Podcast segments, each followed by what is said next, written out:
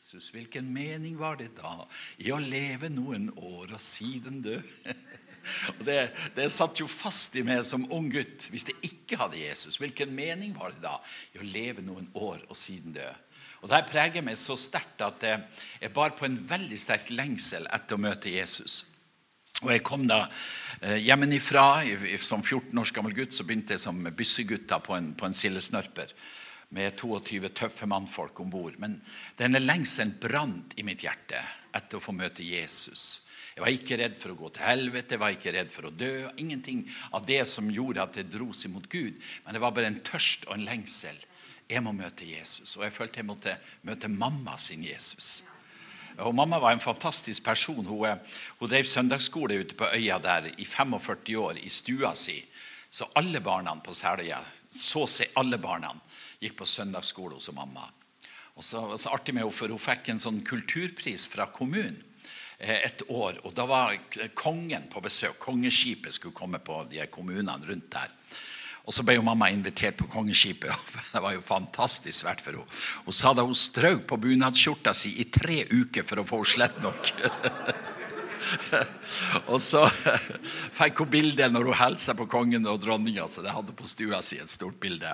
Men mamma var en sånn utrolig flott person da, som prega mitt liv. Og jeg, jeg, ble jo en god del mobba som guttunge pga. fødselsmerket som jeg har.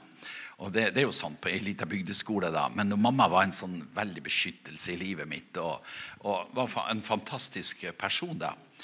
Eh, og så bare på denne lengselen og tørsten etter Jesus. da.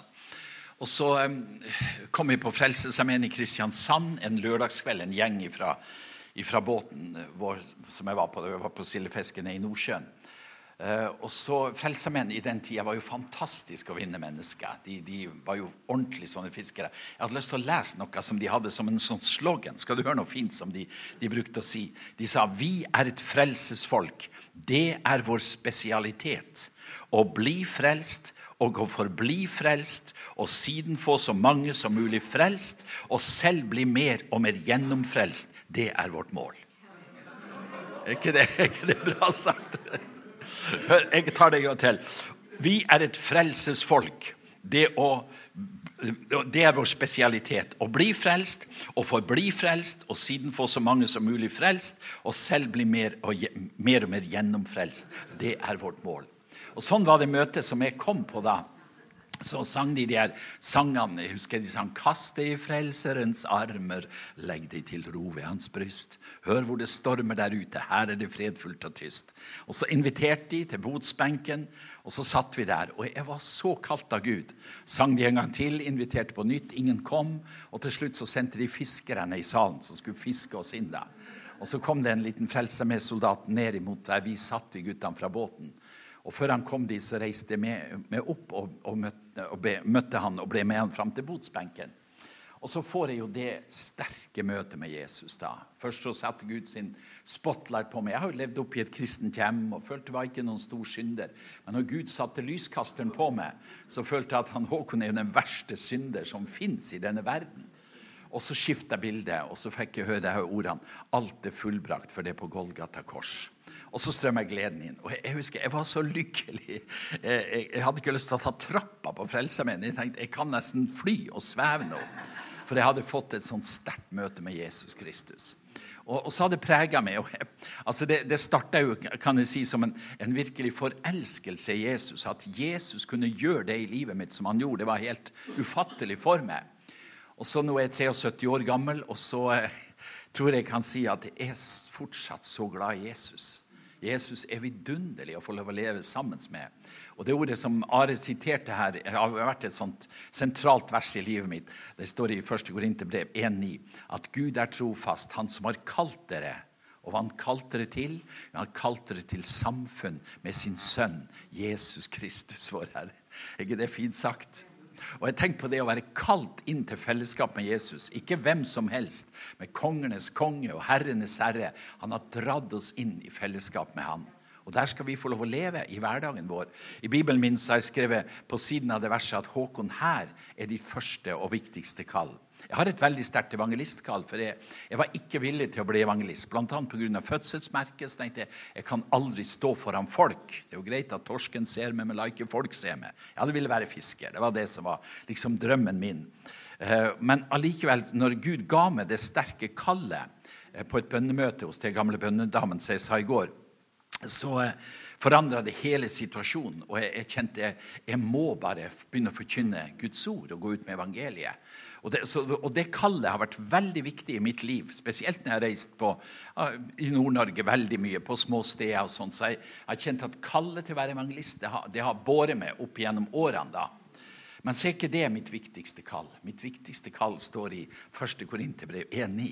Og det er å hver dag være kalt inn til samfunn og fellesskap med Jesus.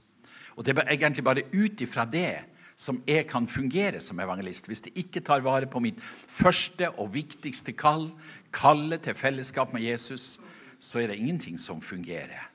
Jeg opplever mye helbredelse gjennom kunnskapsorda, og, at jeg får minnelser om mennesker. og sånt her. Men det her fungerer ikke hvis ikke jeg tar tid sammen med han. Jeg er sammen med Jesus, for alt flyter ut fra Den hellige ånd og det fellesskapet som vi har. Og Derfor er det så, så viktig for meg å, å blankpusse liksom blikket på Jesus, synet på han, se på han, eh, beundre han, begeistres for han hele tida. Og det er et hav vi kan ta. Vet du hva det står i Guds ord? At Gud har latt hele sin fylde ta bolig i Han, står det. Ser du det havet du kan øse av ut av fellesskapet med Jesus? Når hele Guds fylde har tatt bolig i Han, da er det sånne ressurser vi kan ta ut av. Og det her er vårt kall. At denne, denne, friske opplevelsen av Jesus at den skal få prege vårt liv, så vi kan møte mennesker med frisk eh, duft av Jesus. Du vet Det er noe som skjer med oss alle sammen. Hvis du går inn på et konditori en tidlig morgen, så skjer det noe på hjernen din. Så alle sammen gjør det samme. Da gjør vi sånn her. Ah kanelsnurrer, mandelstenger og alt det der fantastiske som fins der. Vi trekker automatisk inn duften av det som er friskt og nytt og nystekt. Jeg vet ikke om du gjør det når du går forbi eh, brødhylla på Rema. Jeg vet ikke om du trekker så mye pusten der. Men kommer du inn i bakeriet, da vet du her er det ferskt.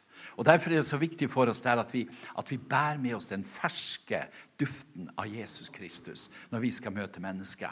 Jeg var, var på besøk hos en, en, kamerat ute på øya der jeg kommer ifra. En som jeg ikke har sett på mange år.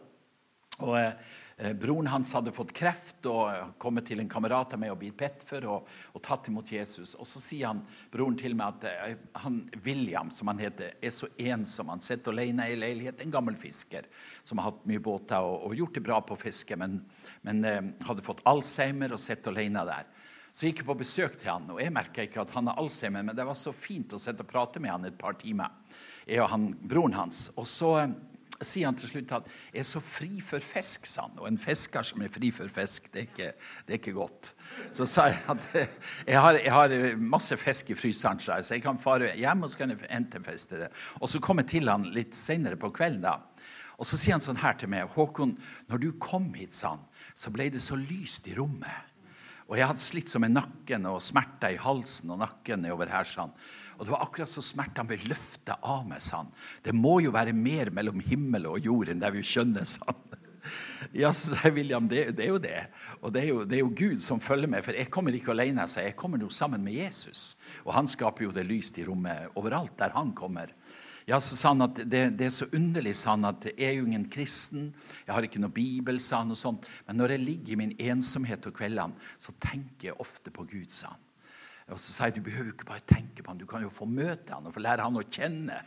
Eh, og Så begynte han å gråte, og så spurte jeg om jeg fikk lov å be for han, og så ba han først for sykdommene hans. da. Men så, så leste jeg Johannes 1,12 til han, William.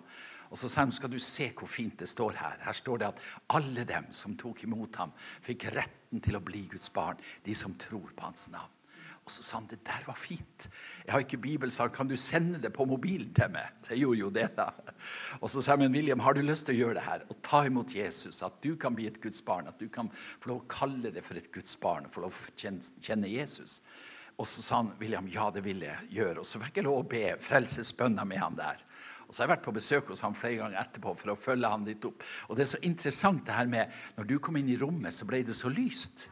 Og Det er jo det som skal følge oss. Hvis vi lever et friskt fellesskap med Jesus, så vil vi ha noen å dele med andre mennesker som er rundt oss. Du vet at Jeg tror at det er mer gudslengsel i samfunnet enn det vi skjønner, vi kristne.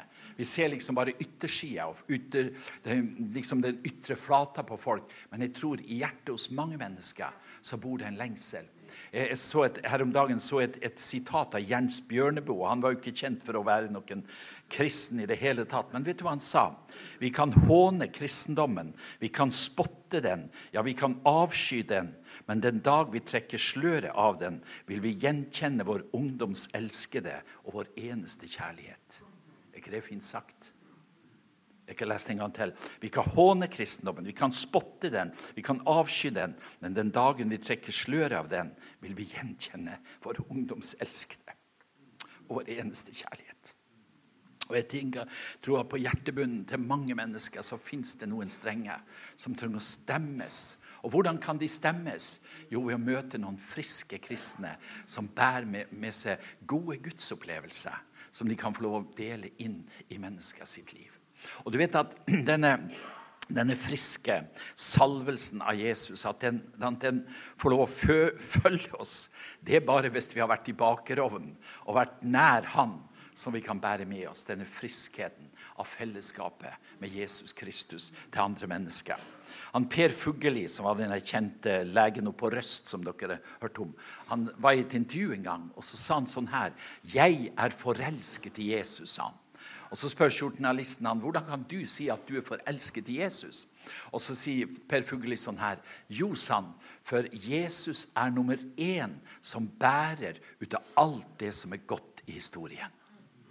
Så hva, hva, har vi grunn til? Vi har grunn til å være stolt over Jesus Kristus og alt det vidunderlige som han har gjort i vårt liv, og hvordan han har vært en bærer ut av alt som er godt i historien. Hva, hva er det som er så spesielt med Jesus? Du vet, Bibelen forteller fantastiske ting om Jesus. Han forteller ikke bare at han kom, han levde her nede, han døde på korset for å stå opp igjen. sånn der. Men han forteller hvordan han var aktiv i skaperverket, hvor han var designeren, hvordan han, han, han var med i, helt ifra begynnelsen. Uh, født av Faderen fra evighet, står det. Og tenk at han har designa oss og skapt oss og vært med der. Og så står det i Kolossebrevet at han opprettholder oss med sitt kraftens ord. Og Der er det vi får lov å leve i fellesskapet med denne personen, som både har skapt oss, og som opprettholder oss. Eh, eh, altså Noe med det mest fantastiske som jeg kan tenke meg, det å se en gravid dame som bærer på en baby her inne. Og tenk på det, dere som er mammaer, at her i ni måneder så produseres det et nytt menneske her inne. Det er helt fantastisk. Du vet, Når en baby blir født, en, en jentebaby blir født, så finnes det mellom 1,2 og 1,4 millioner egg i, i morslivet til den lille babyen. Så avtar det, og så når du kommer i puberteten, så er det ca. 400 000 egg igjen. Men bare 500 ut av de eggene har mulighet til å bli et nytt menneske. Og så eh, kommer prosessen der sædcella Vet du hvor, hvor stor ei sædcelle er? Lengden på ei sædcelle er som bredden av et hårstrå. Som bredden av et hårstrå. Lengden på ei sædcelle. Det er ikke mulig å se det med det blotte øyet. Det eneste cella i en menneskekropp er eggceller, som er så store at vi kan se den hvis vi ikke har et mikroskop. Men inni de cellene der så ligger det DNA-molekylet, som er helt fantastisk. Så Tenk på ei sædcelle som har en lengde på bredden av et hårstrå. og Der ligger det to meter med DNA som gir beskjed. Den eldste gutten min, han Remi, han er en tro kopi av meg. Han er så lik meg uten fødselsmerke. Det fikk han ikke med. Men ellers er han akkurat samme høyde, samme korpus. Men ikke nok med det. Personligheten er nesten at han er, han er snytt ut av nesen på meg. Sånn, sånn er det. Og så tenk på den beskjeden da, som fulgte sædcella og befrukta egget. Og I den, den DNA-molekylet så finnes det en budskap med 3,2 milliarder bokstaver, nukleinsyre kalles det, som fører beskjeden hvordan skal vi bygge denne skapningen som nå skal komme til. Og, og så Tenk på alt det her, alle de her prosessene i det her. Det er helt fantastisk. Og der har du designeren, Jesus Kristus, som har designa oss og skapt oss. Og så vokser det i løpet av Tenk på alle de, alle de elementene i en menneskekropp som skapes her inne. Og jeg, jeg, har sagt det til kona mi at, at, det mest fantastiske må jo være å bli en mamma. Jeg kan ikke skjønne mer fantastisk. Og jeg, når vi har gått med de babyene våre, så har jeg sagt til henne jeg har så lyst til å kjenne mammafølelse. Hvordan er mammafølelsen? Og Det får jo ikke jeg lov å kjenne, da, men dere mødre jeg snakker om det på aldersheimen i dag. Det her fantastiske verset fra Jesaja 49. Der står når israelsfolket roper at 'Herre, du har glemt oss. Herre, du har forlatt oss', så kommer Gud og sier 'Kan vel en mor glemme sitt diende barn?' Ikke ha omsorg for barnet som hun fødte. Og du som er mamma, du kjenner det sterkeste kjærlighetsbånd blant mennesker er jo mellom en mamma og hennes baby. Og tenk på hvordan Gud har skapt alt det her, og hvordan Jesus var designer i det her. Og så, så er jeg så begeistra for Jesus bare pga. det som ligger i skaperverket. Hvordan han har lagd en sånn type som er det. Og at det er nåde som jeg har fått ifra han til livet som jeg har fått. Så det er grunn nummer én til at jeg er begeistra for Jesus. Men skal du høre litt mer? Jeg har lyst til å si litt mer. Og så er så utrolig begeistra fordi at uh, han har gitt sitt liv for meg på Golgata. Uh, jeg, har, jeg, har, lest, jeg vet ikke hvor mange ganger jeg har lest Bibelen, men jeg driver og leser hele tida. Og Så lå jeg en kveld her og så leste jeg uh, Johannes 3, 16 på nytt igjen. Og Hvor mange tusen ganger har jeg ikke lest det verset? Men så bare slo det meg der det står For så høyt har Gud elska verden, at han ga sin sønn den enbårne for at hver den som tror på ham, ikke skal gå fortapt, men ha evig liv. Og så slo det liksom Hvordan så høyt? Og så var det som når jeg lå der, så, så passerte Golgata revy for meg. Jeg så Jesus han er spent over bommen i borgen. Piskeslagene suser over hans rygg. Han gjennomgår de grusomste smerter, vrir seg under smerten. Og så står en far i himmelen og ser sin elskede sønn bli mishandla på det grusomste. Og så vet far bare jeg sier et ord inn i situasjonen, så er Bødlene de er som dødt plasma på gulvet. Min sønn er fri. Men så retter han blikket på Håkon og på Liv og på Are og på de, alle dere som er her, og så ser han hvis ikke det her skjer, så vil menneskeheten gå fortapt. Og så unnlot han å gripe inn, fordi at så høyt har Gud elsket det og meg. Og Så henger han på Golgata til slutt, Jesus. Og de sier at vanligvis når Jesus ba, så brukte han alltid ordet 'Abba'. Han brukte eh, En som har forska på arameisk, han sier at han tror Jesus sitt bønneløp, så var det alltid 'Abba' han sa når han ba til, til sin far. Kalte han for pappa. Men plutselig så henger han der i gudsforlatthetens mørke. Han er spikra fast til korset. Og så roper han 'Gud, min Gud, hvorfor har du forlatt meg?' Og Da henger han der i et virkelig reelt gudsforlatt situasjon, der han kjenner er forlatt av Gud. Noe som ikke noe menneske kan oppleve. Det, så langt ned gikk Jesus. Og så henger han med det ropet der og roper. Og svaret på det ropet der det er at så høyt har Gud elska mennesket, oss. Fordi at han grep ikke inn, men han lot det skje. Han lot sin sønn dø på Golgata kors. Og Denne kjærligheten den er så ufattelig at i Johannes brevet så står det at slik forstår vi hva kjærlighet er ved at Gud ga sin egen sønn for våre synder. Så hvis du vil forstå hva virkelig kjærlighet er, skal du se hen til Golgata og det Jesus gjorde for oss. Og For meg er påsken den, den største høytid i, i, i løpet av året. Og jeg er så begeistra for Jesus, at han døde for mine synder, og at jeg blir frelst pga. hans store kjærlighet imot meg. Og så er jeg så begeistra for den nådefulle Jesus, når jeg, når jeg, ser i Guds ord hvordan han er, full av nåde til mennesket. Eh, kvinna som var grepen i hor. Jeg ser hvordan han, han dekker med sin nåde. Heller ikke jeg fordømmer deg. Og det å få lov å leve under Guds nåde med sitt liv er utrolig stort å få være dekka av Guds nåde hele veien. Eh, jeg hadde en sånn spesiell opplevelse i en begravelse en gang. Jeg hadde for mange år siden. Jeg bodde i Brønnøysund, og, og, så kom det en, en ung gutt fra Oslo som eh, hadde vært narkoman, vært eh, langt ute på kjøret, og som hadde kommet med i OKS og blitt fri fra narkotika, trodde vi da. Og så kom han og skulle jobbe på et sånt lite evangeliesenter vi hadde der oppe. Men så viste det seg at han var ikke fri. Så han kunne være aktiv med oss i møter og vitne. Og var en fantastisk gutt. Men så ramla han ut på kunne være en måned fri, og så ramla han utpå. Så hadde han et brekk igjen. og så, og så ja, så, så, Men så var han så, så, utrolig så god. Kom tilbake og gråt og ba om tilgivelse. Og det her skjedde gang på gang. Og Vi var så glad i denne karen der, og jeg og presten der oppe vi var så begeistra for han karen. Og så Jeg har fellesmøte nede i Skien, og så får jeg en telefon fra presten at han, eh, Bjørn, som han heter, han er død i en overdose ut av narkotika. Hadde gjort et brekk på apoteket i Brønnøysund, og så eh, han, han mista livet pga. det. Og Så sier presten at 'jeg vet ikke hva jeg skal gjøre'. Jeg, jeg, 'Det er så fælt for meg, det her. Jeg vet ikke om jeg klarer å ha den begravelsen'. Kan ikke vi dele på det? sånn? Hvis du preiker, så skal jeg ta ritualene. Så gjorde vi det. Og så tatt jeg og tenkte på hva skal jeg si i den sånn begravelse som det her er. Det var masse folk som var blitt kjent med Bjørn. og Arbeidsgiveren hans var der. og og så tenkte jeg, hva skal jeg si? Og så kommer Gud med et ord til meg fra Efeserbrevet, der det står om Guds uendelig rike nåde. Og så plutselig får jeg se et syn, et veldig klart syn der jeg sitter på kontoret mitt. Jeg ser inn i Guds nådeslager. Jeg ser en enorm stålhall, så langt så øyet rekker igjennom. Og så er det palle på palle på palle med hvite sekker, hele hallen inn igjennom. Og så er det noen tomsekker som ligger forrest i hallen. Og så begynner Gud å tale til meg, og så sier han, 'Håkon, her ser du mitt nådeslager.' Og så ser du jeg har brukt noen sekker på en bjørn, men så har jeg så mye mer nåde igjen. Jeg er så full av nåde. Og så fikk jeg sånn frimodighet til å gå i kirka og, og forkynne om Guds nåde.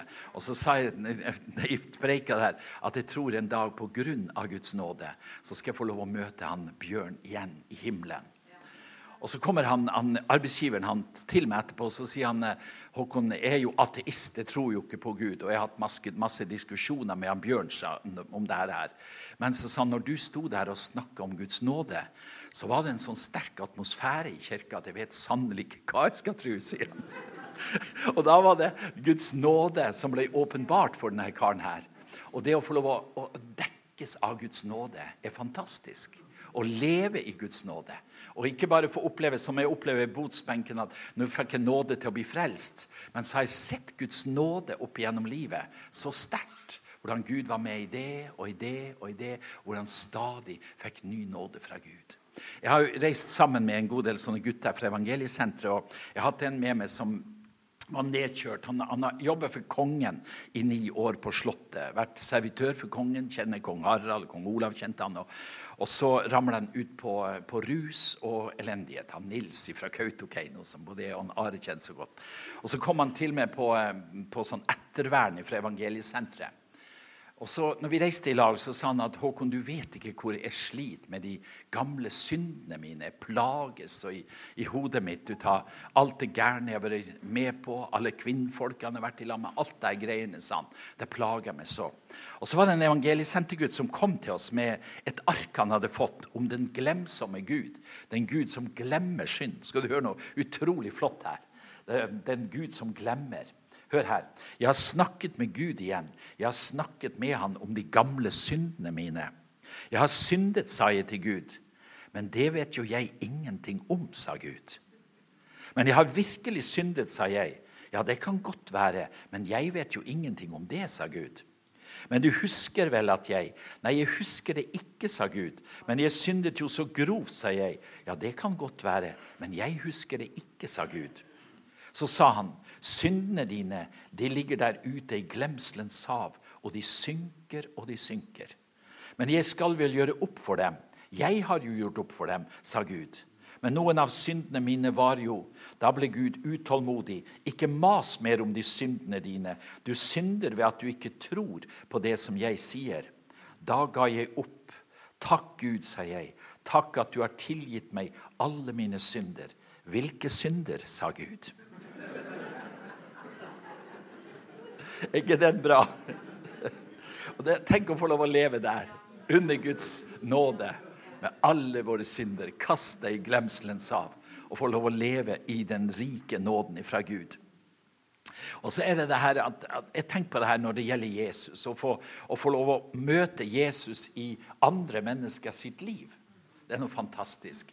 Og Det står i Efeserbrevet at sammen med alle de hellige så kan vi fatte lengden og høyden og dybden og bredden og kjenne Kristi kjærlighet, som er mer enn noen kan fatte. Altså Vi kan fatte det som er mer enn noen kan fatte. Og hvordan det? Jo, ved å være sammen med de som har møtt Jesus. Jeg tok noen bilder der fra Ukraina. Klarer du å få de frem, de bildene der? Skal du se her. Denne familien her, den har velsigna med noe enormt. Han som står i midten der, Åleg, han har vært en helt nedkjørt alkoholiker. Han sa det i, i byen der, så var jeg regna bare som søppel. Og eh, Mammaen hans der borte, Maria, det var hun som dro hele familien inn i alkoholisme. Og Nadia, kona hans eh, som står i midten der, var også eh, helt alkoholisert og ødelagt. Lå mye ute på gata, på jernbanestasjonen og sov. Og, og sånt her. Og så er det hun som står nærmest der, med 35 på brystet. Og Natasha. hun er var seks år gammel, så er det ei dame i nabolaget som tar henne med på søndagsskolen. Og Så forteller hun at det er så vanskelig hjemme, og mamma og pappa er så alkoholisert. Og Så sier de at vi skal begynne å be for mamma og pappaen din. Og vi skal stå med deg i bønn. Og Så begynner Natasha å gå rundt og spørre folk ber du til Jesus så må du hjelpe med å be for mamma og pappa. Og til slutt så er det masse folk i Smerinka som ber for mamma og pappa. Og så er det en sosialarbeider her som heter Tanja. Hun tar årlig med makt og får han inn på et rehabiliteringssenter. Og Han sier at 'jeg vil ikke være der'. Det eneste jeg tenkte på, var vodka. Men jeg har ikke penger til å komme hjem. Jeg hadde ikke penger til å ta vodka. Og så En dag så sto jeg i grønnsakåkeren og skulle lugge, og jeg, og jeg var så elendig form, så jeg ropte opp til himmelen 'Gud, hvis du fins, så må du hjelpe meg, for jeg er så sjuk'. Og så plutselig sier han, så stråler det et lys fra himmelen. Og så er det en vind som begynner å blåse rundt han, så han står liksom inni en sånn vind. Og inni denne lyskasteren til Gud. da. Og så kjenner jeg hvordan kroppen forvandles, sier han. Og Så går jeg tilbake til huset på rehabiliteringssenteret, og så sier Åleg, 'Nå er du en ny mann'. Og da var Åleg blitt en ny mann. Og Så kommer han hjem, og jeg møter han da på et møte, og så sier han kan du hjelpe med å starte rehabiliteringssenter, sånn at mamma kan bli fri fra alkoholen. Og så sa han det skal vi gjøre. Så Han er leder for rehabiliteringssenteret vårt der nede nå. Men så har du Maria, og hun kom på flere møter som vi hadde. og Vi ba for henne, og vi sto i bønn for at hun skulle bli fri. Hun ble alkoholisert fra hun var helt ung. da. Og så En dag hun går fra møtet og sa til blant annet til meg at bare kast meg ut av de møtene, for det skjer ingenting med meg, sa hun. Og Så gikk hun fra møtet og så gikk hun inn på ei sånn uh, vodkasjappe. Kjøpte seg tre sånne melkeglass med vodka, sa hun, så hun tømte ned. Og så når hun satte ned det siste glasset, så sa hun det her er mitt siste glass. Og de på kafeen flirer av sa Maria, du får aldri noe siste glass, for du går ut av denne verden. Og så den natta der, så plutselig våkna hun, sier hun. Midt på natta så sitter hun oppreist i, i senga, og så leser hun Fader vår. Og så hører hun en stemme i rommet. 'Maria, nå har du tatt det siste glass'. Tenk å få en sånn hilsen fra himmelen, da. Og så, og så, er Maria fri. Fra det øyeblikket så er hun fri. Og denne familien her, og Nadia ble også, hun også kom på rehabiliteringssenter og ble, satt fri på den måten der. Og i dag det her er en sånn ressursfamilie i, i byen der. Så han, Pastor Jorda, som er pastor for menigheten, han ble innkalt til ordføreren. Og så spurte ordføreren hvilke program har du som kan omprogrammere de verste alkoholikerne i vår by. Og så sier Ålek at, eh, nei, han eh, gjorde at jeg har jo ikke noe program. De møter Jesus. Og ordføreren var så imponert. Så i, midt på, på, torvet i Smerinka hadde de satt opp ei søyle med bilde av jorda på, da, som, som byens velgjører. Fordi at det er så mange alkoholikere som er blitt frelst og kommet til, til liv i Gud. Og så viste det seg at Åleg, den her, den her, eh, som tigga på gata og lå ute mye, og sånt her, så viste det seg at han var, han var jo så dyktig med så mange ting. Ta neste bilde. Skal du se. Det eldresenteret Nei, skal vi se. Prøv, prøv å ta et annet bilde. Der har du det, ja. Det, det her eldresenteret er altså Åleg som har bygd det. Han har hatt 30 mann i arbeid, og så har han bygd det her fantastiske senteret, som er bygd etter norsk standard, og der de gamle har det så godt som ingen plass i Ukraina. Vi har 40 plasser, og de, de sier vi er kommet til himmelen på forskudd. Det er fantastisk å få gjøre det. Vi hadde jo barnehjem der nede, vi hadde rehabiliteringssentre, og så talte Gud så sterkt med gjør noe for de eldre, for de eldre har det grusomt i Ukraina. Vi har henta folk ut fra fjøset, der de ligger med, med dyrene for å holde varmen, og, og plutselig så får de et godt sted der de kan bo. Dette er Årlex sitt eh, verk. da, Den tidligere alkoholikeren. Klart det gjør inntrykk på byen. Ordføreren han, han, han sa til meg en dag jeg kjørte gjennom den skitne landsbyen og så kjørte jeg opp foran der, foran, foran eldresenteret. Og vi har et bønnesenter også, det er et annet veldig flott bygg vi har der. Så sa han det var jo akkurat som å kjøre inn i Europa, sa han. Hvordan hadde du fått det til? Og det er jo Gud som har vært med i det her. Så må jeg, ta, jeg må ta bildet her ut av favoritten min i uh, Ukraina. Skal vi se du, Det dåpsbildet. Det andre bildet skal vi se deg til. Der har du og Oksana når hun blir døpt. Og og Oksana har, har Downs syndrom. Og hvis du har Downs syndrom, da, så er du enten stengt inne på et rom eller sendt på institusjon. Og familien er skamfull at de har fått et sånt barn. Men hun har levd på institusjon da hele sitt liv, og så har hun kommet til Smerinka nå som voksen. da. Og så får hun møte Jesus og Oksana. Så har en sånn sterk gudsopplevelse. Og får masse motstand hjemme. Pappaen, som var en gammel kommunist, han, han sier at har, de kristne har hjernevaska Oksana og eh, er veldig mot at hun skal være med i menigheten. Og så går hun masse på pappa at hun har lyst til å bli døpt, og får ikke lov. Og i to år så gikk hun og maste. Jeg må få lov å bli døpt. jeg må få lov å bli døpt. Og til slutt her så hadde pappa gitt etter, og så får hun lov å bli døpt. Og, altså, Dette er det sterkeste dåpsmøtet jeg har vært med på noen gang. Jeg sa til pastor Jore at døper du folk for andre gang? Jeg har lyst til å bli døpt i samme vannet som Oksana, for det var så sterkt å være der. Og så har hun møtt Jesus så sterkt. Og hvis du, hvis du, møter Oksana i et møte Hun er som en engel. De har henne med i, i, lovsangen. Hun er ikke flink å synge, men hun står der bare og stråler som ei sol og skinner ut Jesus. Og så er hun ei sånn, sånn, ordentlig bønnedame. da, Tidlig opp om morgenen og ber. Så får hun profetiske ord. Så på søndag så kommer hun til pastoren og sier at 'jeg har fått det fra Gud'. Og, og Jorda sier at det stemmer så mange ganger.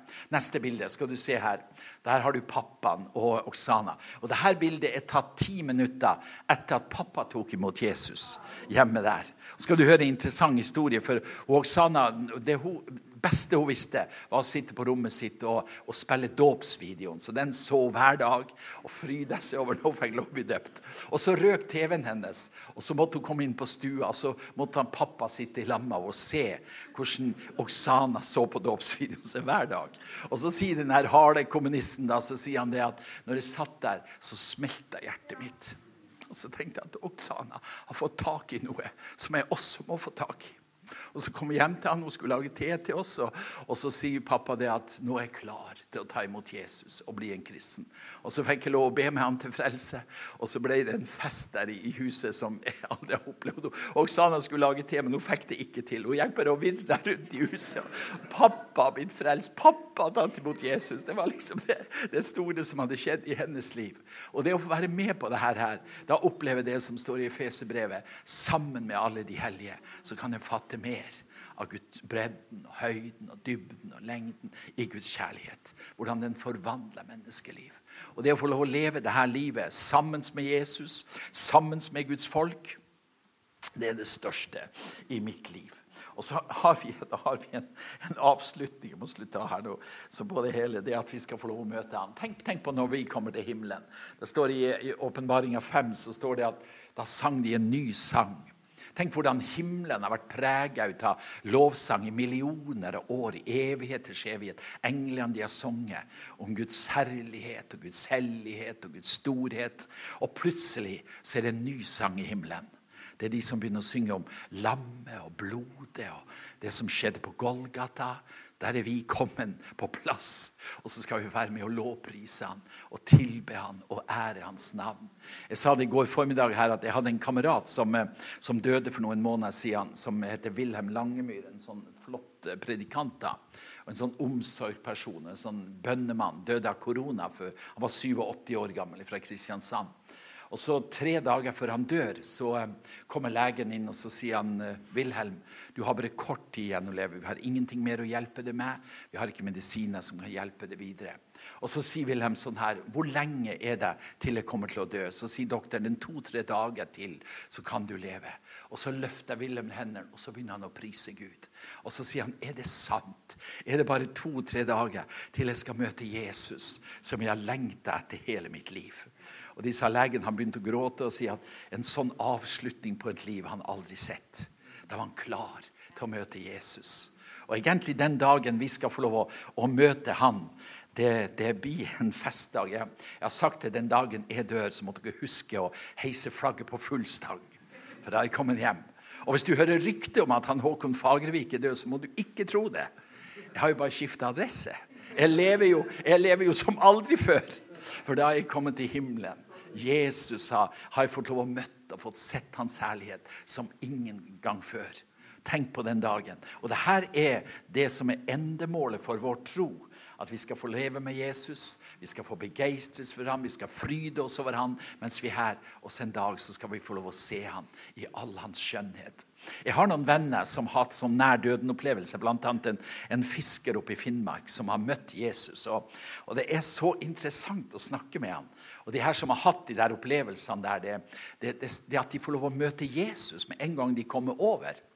Han, han hackeren han, han, er en forunderlig kar. Har mye åpenbarelser, mye greier. Og, og, Så døde han en gang han var ute på fiske ute på havet. Var veldig sjuk, og så plutselig så dør han. Og fem, i 50 minutter så var han borte.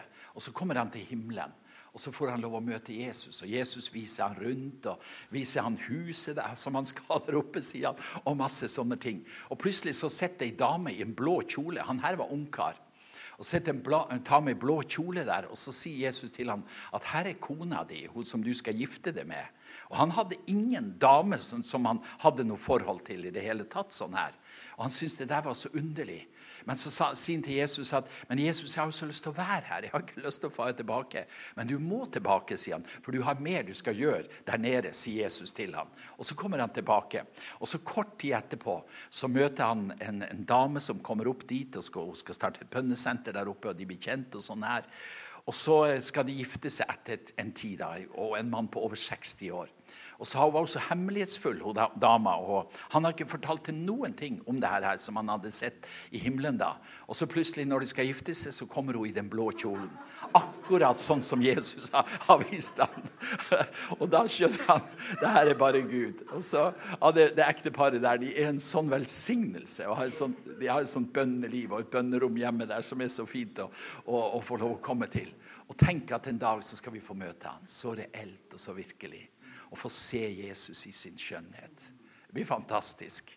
Og det her jeg ønsker jeg skal prege mitt liv så lenge som det, det er pust i meg. Så har jeg så lyst til å bære med meg begeistring for Jesus og kunne være nå andre mennesker med budskap om vår vidunderlige frelser Jesus Kristus. Eh, han, han, Peter, når han hadde opplevelsen oppe på fjellet, så sier Jesus at du må ikke fortelle det her, her til noen. Men i Peters brev så sier han det var jo ikke opp oppdikta eventyr vi holdt oss til. Men vi har sett ham, vi har sett hans skjønnhet og hans herlighet. Og så sier han hvordan Faderen talte. Dette er min sønn, den elskede, som jeg har min glede i. Og Tenk at der skal vi få lov å leve, i hans elskede sønns rike. Så la ikke Jesus eller synet på, eller gleden over Jesus visne i ditt liv, men la det være friskt begeistres for Jesus. Jeg, jeg, går jo hele dagen og sukker på Jesus og nynner på Jesus og tygger på Jesus og, og lovsynger han. Og, og jeg, jeg, ønsker at det skal prege hele mitt liv. Det fellesskapet med den vidunderlige frelseren som har skapt meg, som opprettholder meg, som har tatt seg av meg, som gjør at jeg har vært fortløpig frelst og fått lov å med han i alle de her år. Så la Jesus' begeistringa prege ditt liv framover. La det dufte friskt. Fersk brød av ditt liv. At du har vært sammen med Jesus. Herre, vi takker deg for at du har grepet inn i vårt liv. Herre. Jeg, så, jeg kjenner på en sånn dyp takknemlighet til det. At jeg får lov å leve med det, Jesus. At du har kalt meg inn til samfunn og fellesskap med din sønn Jesus Kristus, far. Det er så stort. Og jeg ber at dette skal være kjent som en Jesusforsamling. Der mennesker i bygda her kan vite at hvis det går dit, så eh, får jeg lov å møte Jesus. Så får jeg bli kjent med Jesus. Og så skal du dra på hjertene og kalle. Jesus, du sier at 'ingen kommer til meg', sier du, hvis ikke Faderen drar ham. Og Derfor ber vi, far, at du skal bruke din drakraft her i Elnesvågen og dra hjertene inn til det, så de kan få et sterkt møte med Jesus. Kom og gjør det, Herre. Jesus, jeg ber om at det skal skje mer av tegn og under og mirakler. Når Peter står her på, i apostelens gjerning og sier, så skal dere vite for visst at dette underet har skjedd i Jesu Kristi Nasareens navn. La det skje tegn og under, Herre. La, la syke i bygda her bli helbreda ved kraften i Jesu navn. Der mennesker vet at det her er bare Gud, og det her er Jesus som har grepet inn. Og at denne friskheten som ligger i evangeliet, kan få lov å prege både menighetsflokken her og få lov å prege bygda her. Jesus, du er vidunderlig. Og vi ønsker bare å takke deg og lovprise deg for all din skjønnhet og all din herlighet. Takk skal du ha, Jesus.